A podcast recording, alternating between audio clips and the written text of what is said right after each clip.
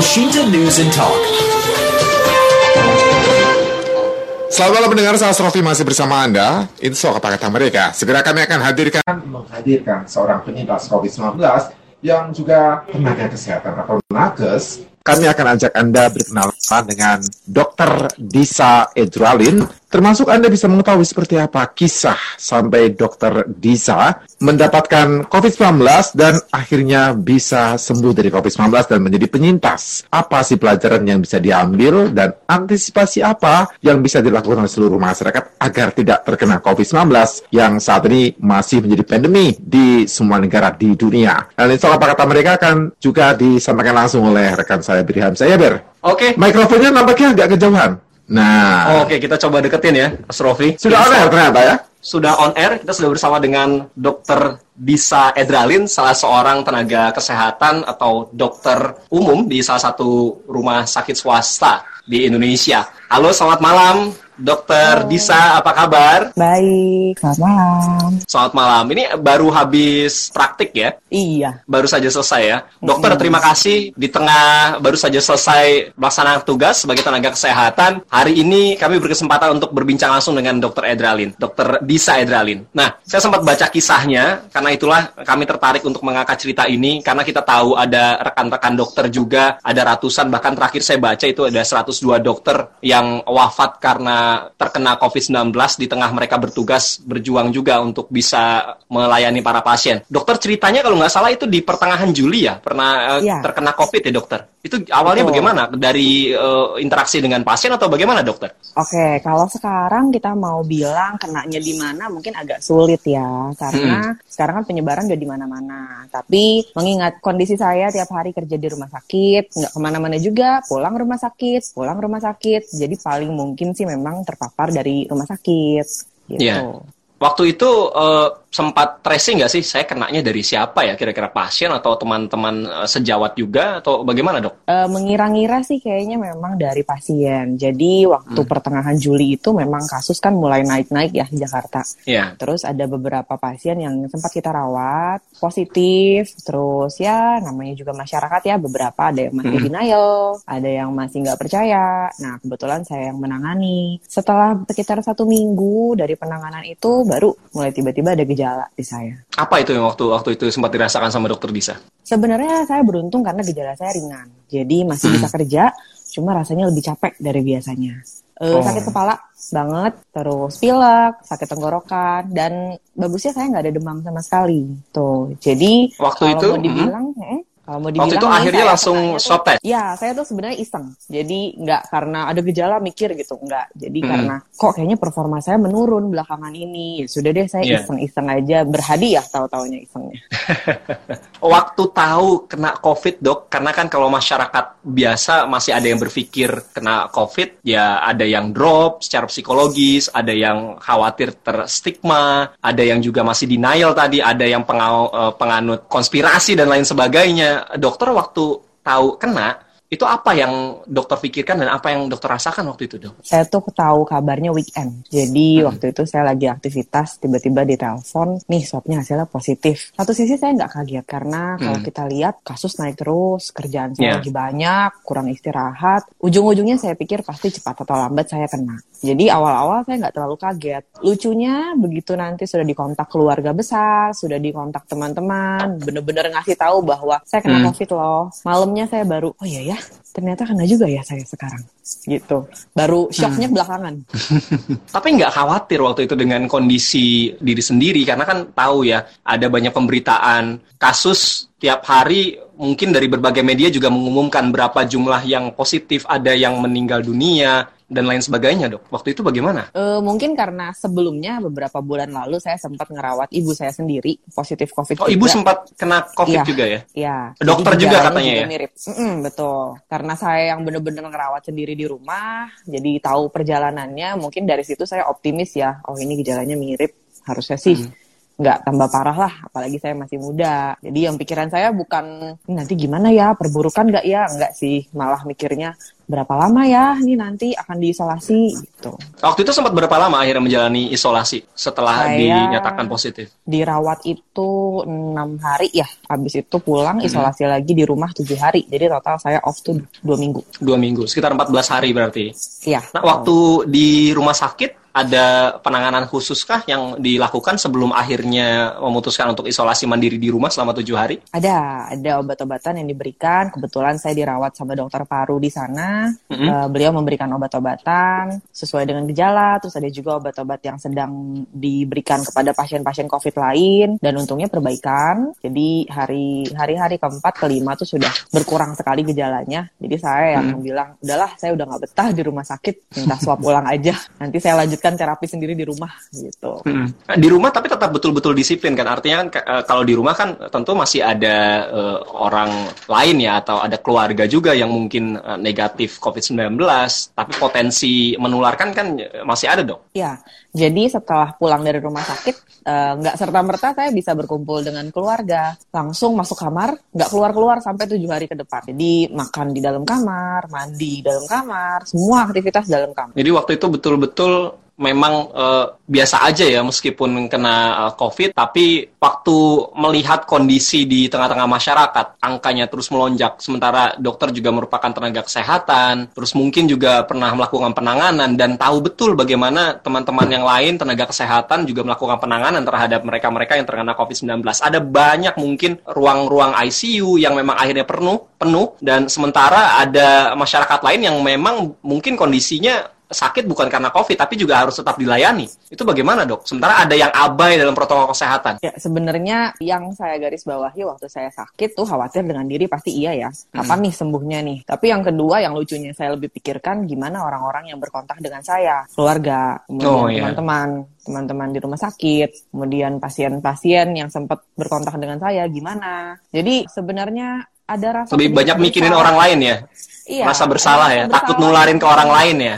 Iya betul, itu sebenarnya sih yang kalau saya pikir lagi ke belakang, oh justru malah jadinya kita worry sama orang lain ya, bukan sama diri kita Hmm. sendiri jadinya. Itu kan worry eh, akhirnya dengan orang lain mempengaruhi psikologis. Katanya kalau mempengaruhi psikologis ini berpengaruh juga dalam eh, proses kesembuhan waktu itu. Sempat khawatir juga waktu itu. Iya, hari ketiga, keempat tuh udah mulai bosen, kemudian Mm-mm. masih masih ada gejala, kadang-kadang kalau malam napasnya berat, Hmm. deg-degan juga, aduh, kapan sembuhnya nih, aduh, nanti mau jadi apa nih, gitu. Oke, kita akan libatkan masyarakat juga, netizen yang mungkin mau bertanya langsung, silakan di kolom komentar Instagram Elsinta, silakan Anda bisa bertanya langsung. Dan ada penelpon ternyata dokter, ada Pak Reza di Karawaci, Tangerang. Halo Pak Reza, selamat malam Pak. Selamat malam, selamat malam dokter. Silakan dengan Ya. dokter Disa Edralin, silakan. Dok, mau kalau boleh tahu dokter di usia berapa ya dok? Kemudian eh, tadi dokter info kalau eh, gejalanya nggak ada demam. Nah Mm-mm. itu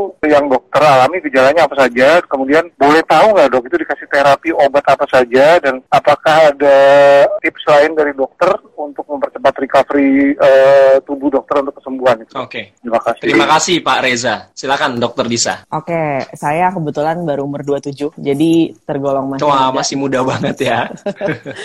dan tidak ada penyakit penyerta. Jadi mungkin itu yang Hmm. bikin saya gejalanya lebih ringan kali ya.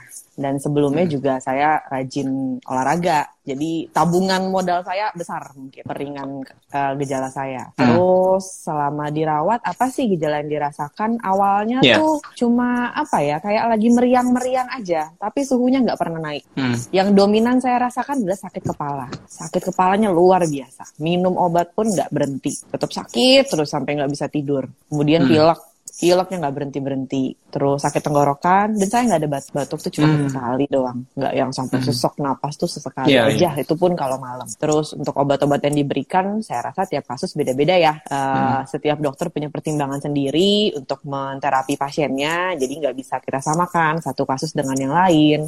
Cuma yang saya lakukan selama isolasi, yang pertama saya makan makanan yang bergizi. Hmm. Paksain aja makan semuanya deh, walaupun nggak ada rasanya. Vitamin tetap jalan, istirahat yang cukup, minum air yang banyak. Terus saya waktu itu sehari itu bisa ngabisin satu jus jeruk tuh kayaknya satu jus itu isinya tujuh jeruk nih. Wow. Saya hajar terus deh. Eh, tapi itu demi sehat ya, tentunya Iya. ya. Mm. Oke, mudah-mudahan Pak Reza tadi eh, tips atau semacam pengalaman dari dokter Disa ini bisa dimanfaatkan juga ya, mungkin dalam menjaga imunitas tubuh kita. Yang penting adalah olahraga dan juga makanan-makanan yang bergizi, yang sehat. Nah, ada penelpon lainnya ternyata ada Ibu Sri di Ciputat, Tangerang Selatan. Halo, Ibu Sri. Ya, assalamualaikum. Waalaikumsalam. Silakan Ibu Sri dengan Ya, bisa. selamat malam Bu Dokter. Ya, Iya. Saya ucapkan syukur alhamdulillah Bu Dokter sudah sembuh. amin. Mudah-mudahan selalu terus. diberikan kesehatan semua dokter-dokter. Amin. Terima Bu Dokter. Ya, Bu Sri. Ya. Bu. Kalau jus itu dipakai es enggak itu Bu Dokter anu jeruknya? Itu aja? Atau Iya. ada lagi? Iya, soalnya gini, saya kan juga umurnya sudah 75 ya. Ya. Jadi saya ingin menjaga kesehatan saya. Saya juga takut nanti kena, kan saya juga jarang keluar. Keluar-keluar kalau ngambil pensiun aja. Jadi ini Bu Dokter, dulu sen- pernah waktu saya kerja ma- pernah kena bronkitis. Tapi setelah pensiun saya sembuh bronkitisnya karena nggak pernah kena asap rokok. Nah, saya tanya sama Bu Dokter yang satu tadi masalah di jeruk. Terus yang diminum vitamin itu vitamin apa aja dok? Saya rasa itu aja Bu Oke, Dokter. terima Assalamualaikum. kasih. Waalaikumsalam. Terima kasih, Bu Sri. Ada penelpon berikutnya Pak Agung di Pesanggerahan. Halo Pak Agung. Oh, Selamat malam, Assalamualaikum Malam. Mas Beri dan Waalaikumsalam, silakan. Selamat malam, Assalamualaikum. Malam silakan Pak. Iya, tadi saya dengar Bu Dokter Diza bilang pernah eh, tertular COVID dan bisa sembuh Bu ya. Berarti bukan tipe komorbid ya, Eh, bukan tipe komorbid, eh, tidak ada penyakit penyerta. Iya, tidak ada Ya. penyakit penyerta. Iya, karena berdasarkan penelitian kedokteran itu eh, kebanyakan pasien yang sulit sembuh itu memang ada komorbid tipenya Hmm. ya, ada atau ada Penyakit bawaan ya, Pak? eh, penyerta yang lain. Biasanya itu eh, memang karena diabetes mellitus atau penyakit kardiovaskular. Jadi itu memang bisa eh, membuat si pasien itu jadi sulit eh, untuk sembuh walaupun bisa untuk sembuh juga ya. Hmm. Ah, dan ini saya pengen tanya Bu Dokter itu berapa lama ya waktu itu waktunya bisa sembuh dari terkena Oke. penyakit pertama kali? Terima Baik, kasih ya. terima kasih. Waalaikumsalam. Pak Agung ini mungkin baru bergabung. Silakan, dokter. Tadi ada Ibu Sri, kemudian juga Pak Agung ya di Pesanggerahan. Oke. Untuk Ibu Sri, mungkin jangan terpatok dengan jeruk aja ya. Intinya semua buah-buahan yang banyak vitamin, yang banyak antioksidan, semuanya kalau bisa masuk masuk semua. Untuk Hmm. masalah pakai es batu atau enggak, kayaknya itu tergantung selera ya. Kayaknya tidak Iya. mengurangi, tidak mengurangi kadar vitaminnya. Untuk vitamin apa aja, apa aja bisa sebenarnya. Kalau kita makannya bergizi, eh, kebutuhan gizi tercukupi, sayur dan buah. Pada us pada kondisi pandemi sebenarnya kita nggak butuh vitamin ya, karena kan eh, asupan makanan kita bagus. Cuma karena Iya. ini ekstra situasinya, jadi vitamin apa pun, vitamin C dosis tinggi silahkan, asal dibarengi dengan minum air yang banyak. Air putihnya harus banyak. Hmm. Terus untuk Pak Agung, Ya, tadi butuh waktu berapa lama katanya sampai betul-betul dinyatakan sembuh dan akhirnya bertugas kembali. Kalau saya Hmm. baca itu setelah dinyatakan sembuh langsung bertugas katanya. Ya, sebenarnya jadi saya ini termasuk eh, kasus yang beruntung, ringan, Hmm. kemudian cepat. Oke. Gitu. Jadi eh, beberapa pasien lain butuh waktu sampai sebulan. Ibu saya Hmm. sampai sebulan saya rawat di rumah. Wow. Saya nih cuma ya waktu itu eh, perawatan negatif dalam waktu enam hari atau tujuh hari, tergolong cepat. Hmm. Kemudian saya lanjut isolasi lagi di rumah tujuh hari, jadi total perawatan saya 14 hari. Habis itu setelah dinyatakan eh, sembuh, katanya langsung tugas ya dok? Balik lagi langsung ke lapangan.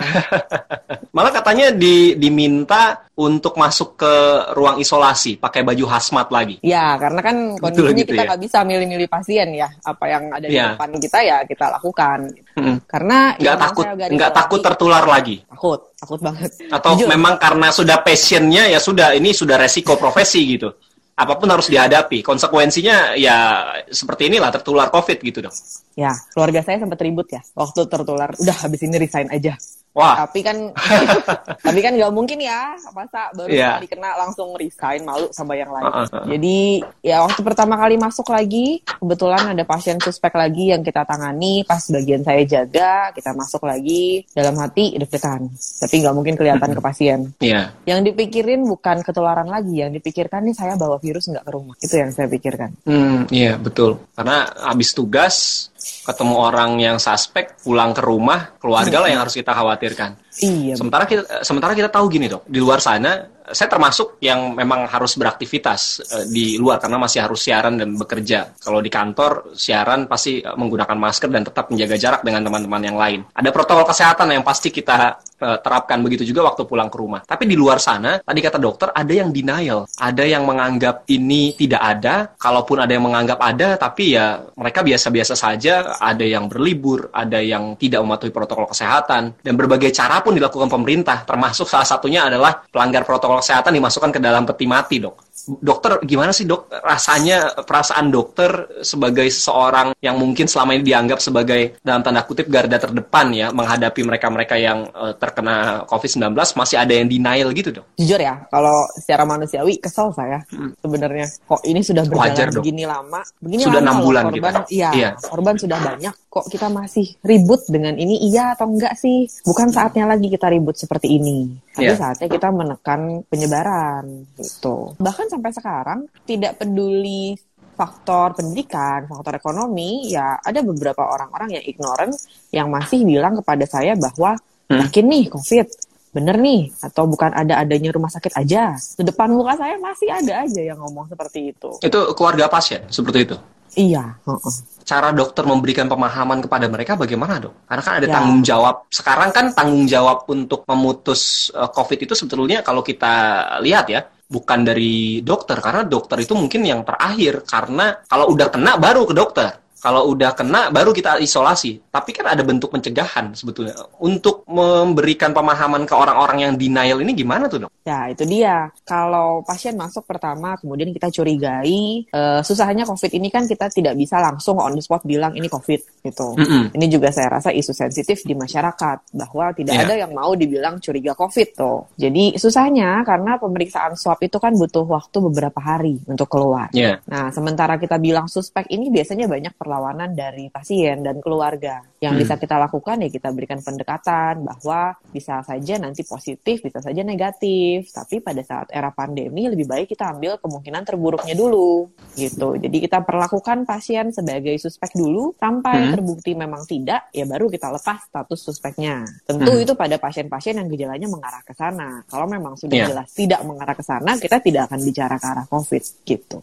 Oke, ini ada pertanyaan dari rekan saya yang ikut nonton juga ternyata Asrofi, penyiar yang siaran tadi yang mengantar. Pertanyaannya, dokter katanya kalau penyintas ini sudah punya kekebalan dan dipakai untuk pengobatan plasma darahnya. Bagaimana informasi yang dokter terima? Oke, untuk terapi itu masih banyak uh, trial and error ya. Saya hmm. rasa atau perdebatan banyak, ya dok gitu ya. Uh, uh, masih banyak dokter dokter-dokter yang lebih kompeten untuk bicara ini dibandingkan saya. Cuma hmm. setahu saya tidak semua penyintas bisa uh, menyumbangkan antibodinya atau darahnya untuk dipakai ke pasien-pasien dengan kasus yang berat atau yang membutuhkan karena ada kriterianya hmm. sendiri. Oke, terjawab dan ini ada Pak Yudi di Jakarta Pusat via WhatsApp. Dokter, waktu gejala kemarin indera penciuman itu menjadi kurang sensitif nggak? Uh, saya perasa yang hilang. Penciuman oh. sebenarnya masih ada. Indra perasa itu ya, yang justru hmm. uh, kebas gitu dok, tidak berasa atau gimana? Nggak ada rasanya semua makanan yang saya makan. Nah sekarang aktivitas bagaimana dok akhirnya? Lebih berhati-hati, lebih karena kita tahu kan biasanya kalau dokter itu menggunakan baju hazmat, terus habis itu mungkin ada proses sterilisasi, lebih berhati-hati lagi sekarang. Ya, apa ya istilahnya saya kan kecolongan tanda kutip sebelum hmm. terkena pun sudah pakai APD sudah menerapkan protokol kesehatan yang ketat tapi hmm. ya masih ada missnya juga masih ada kenanya juga gitu hmm. setelah ini otomatis nggak mau mengulang lagi apalagi dalam rumah saya sudah ada dua survivor COVID jadi setelah ini yeah. sekarang kalau misalnya saya kerja lebih ekstra lah proteksinya. Bawa-bawa desinfektan ke mana-mana. Pulang sebelum dari rumah sakit mandi dulu. Nyampe rumah mandi lagi.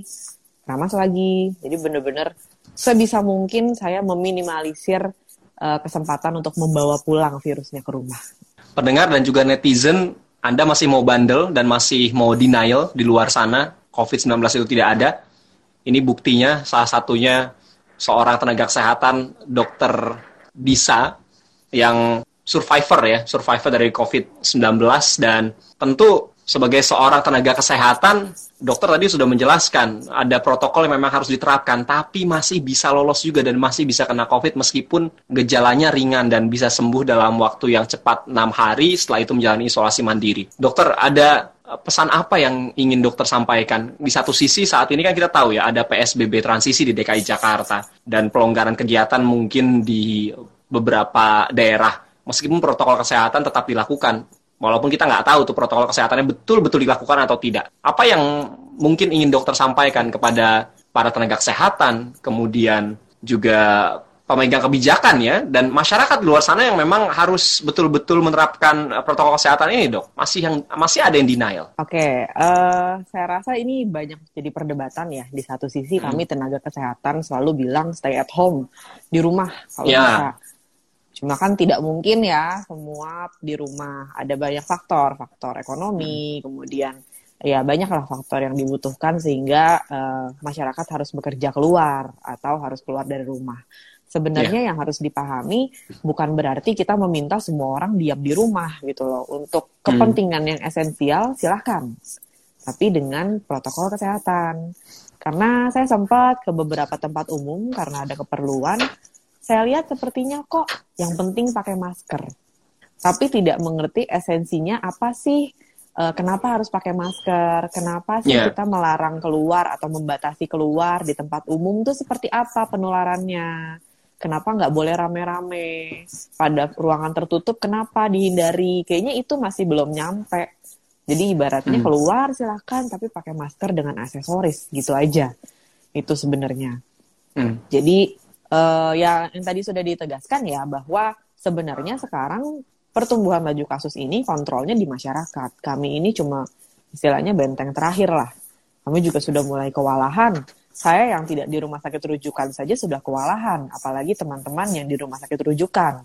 Tidak terbayang berapa banyak kasus yang ditangani, apalagi DKI hmm. belakangan ini kan naik terus. Iya. Yeah. Jadi sebisa mungkin tolonglah bantu kami karena uh, COVID ini kalau misalnya ringan ya ringan, kalau berat itu yang susah. Kemudian yang hmm. susah dari ringannya adalah itu sendirinya itu loh waktu diisolasi itu cukup mengganggu pikiran. Karena kita nggak bisa ke mana-mana. Yeah. nggak bisa keluar nggak mm. bisa ngobrol. Ya ngobrol paling video call ya. Terus mm. lama.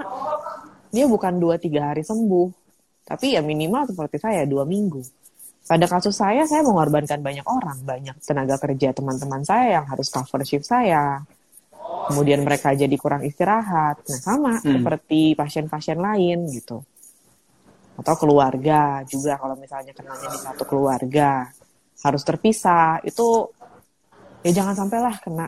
Kalau sudah kena hmm. tuh nanti akan mengerti bahwa ini penyakit bukan masalah penyakit aja tapi uh, semua sistem emosional kita kena pikiran kita kena semuanya deh. Mendingan jangan deh mudah-mudahan jangan. Karena semua aspek tadi ya bahkan juga sektor ekonomi sekarang kita juga terkena dampaknya jangan sampai kita berpikir orang keluarga saya belum kena, jadi kenapa saya harus khawatir? Justru yeah. mumpung keluarga kita atau kita belum kena, di sinilah kita harus aware. Karena sekali lagi memang betul pencegahan itu lebih baik daripada kita mengobati, daripada nanti ujungnya justru kita khawatir di kemudian hari ada keluarga yang terkena dan akhirnya mungkin meninggal dunia kemungkinan terburuknya justru kita kehilangan keluarga yang kita cintai lebih baik sekarang betul-betul kita menerapkan protokol 3M protokol kesehatan menggunakan masker menjaga jarak, dan juga rajin mencuci tangan. Seperti itu ya dokter ya? Ya, betul. Oke. Dokter terima kasih untuk ceritanya. Ini ada beberapa pertanyaan lagi dari uh, WhatsApp dan juga SMS, tapi mungkin nanti di lain waktu kita boleh ngobrol lagi. Terima kasih sekali lagi Dokter Disa. Sukses terus ya. untuk dokter dan tetap jaga kesehatan. Salam juga untuk keluarga dan juga rekan-rekan sejawat tenaga kesehatan lainnya. Terima, Terima kasih, kasih dokter. Selamat malam. Itu tadi perbincangan saya Berry Hamzah bersama Dokter Disa Edralin Beliau adalah dokter umum di salah satu rumah sakit swasta di Jakarta. Beliau adalah tenaga kesehatan penyintas COVID-19 yang pernah terkena COVID-19 di pertengahan bulan Juli 2020 ini dan akhirnya bisa sembuh dalam waktu 14 hari. Beliau merupakan tenaga kesehatan yang bisa sembuh karena sebelumnya mungkin betul-betul juga menerapkan protokol kesehatan, tapi di mana pun itu siapa pun profesinya, apa pun itu, karena kita tahu juga ada beberapa kalangan selebritis tanah air dan juga luar negeri yang sepertinya orangnya sehat-sehat saja, tapi juga ter, uh, akhirnya terkena COVID-19. COVID-19 itu nyata, karena itulah sekali lagi kami juga mengimbau agar netizen dan juga pendengar untuk terus menerapkan protokol kesehatan, salah satunya tetap menjaga jarak dan tetap menggunakan masker, meskipun Anda beraktivitas di rumah. Demikian akhir kebersamaan kita dalam Instok Apa Kata Mereka. Nanti kita ngobrol-ngobrol lagi di topik dan juga narasumber yang berbeda. Kita kembali ke Asinta News and Talk edisi sore. Saya Beri Hamzah. Selamat malam, sampai jumpa.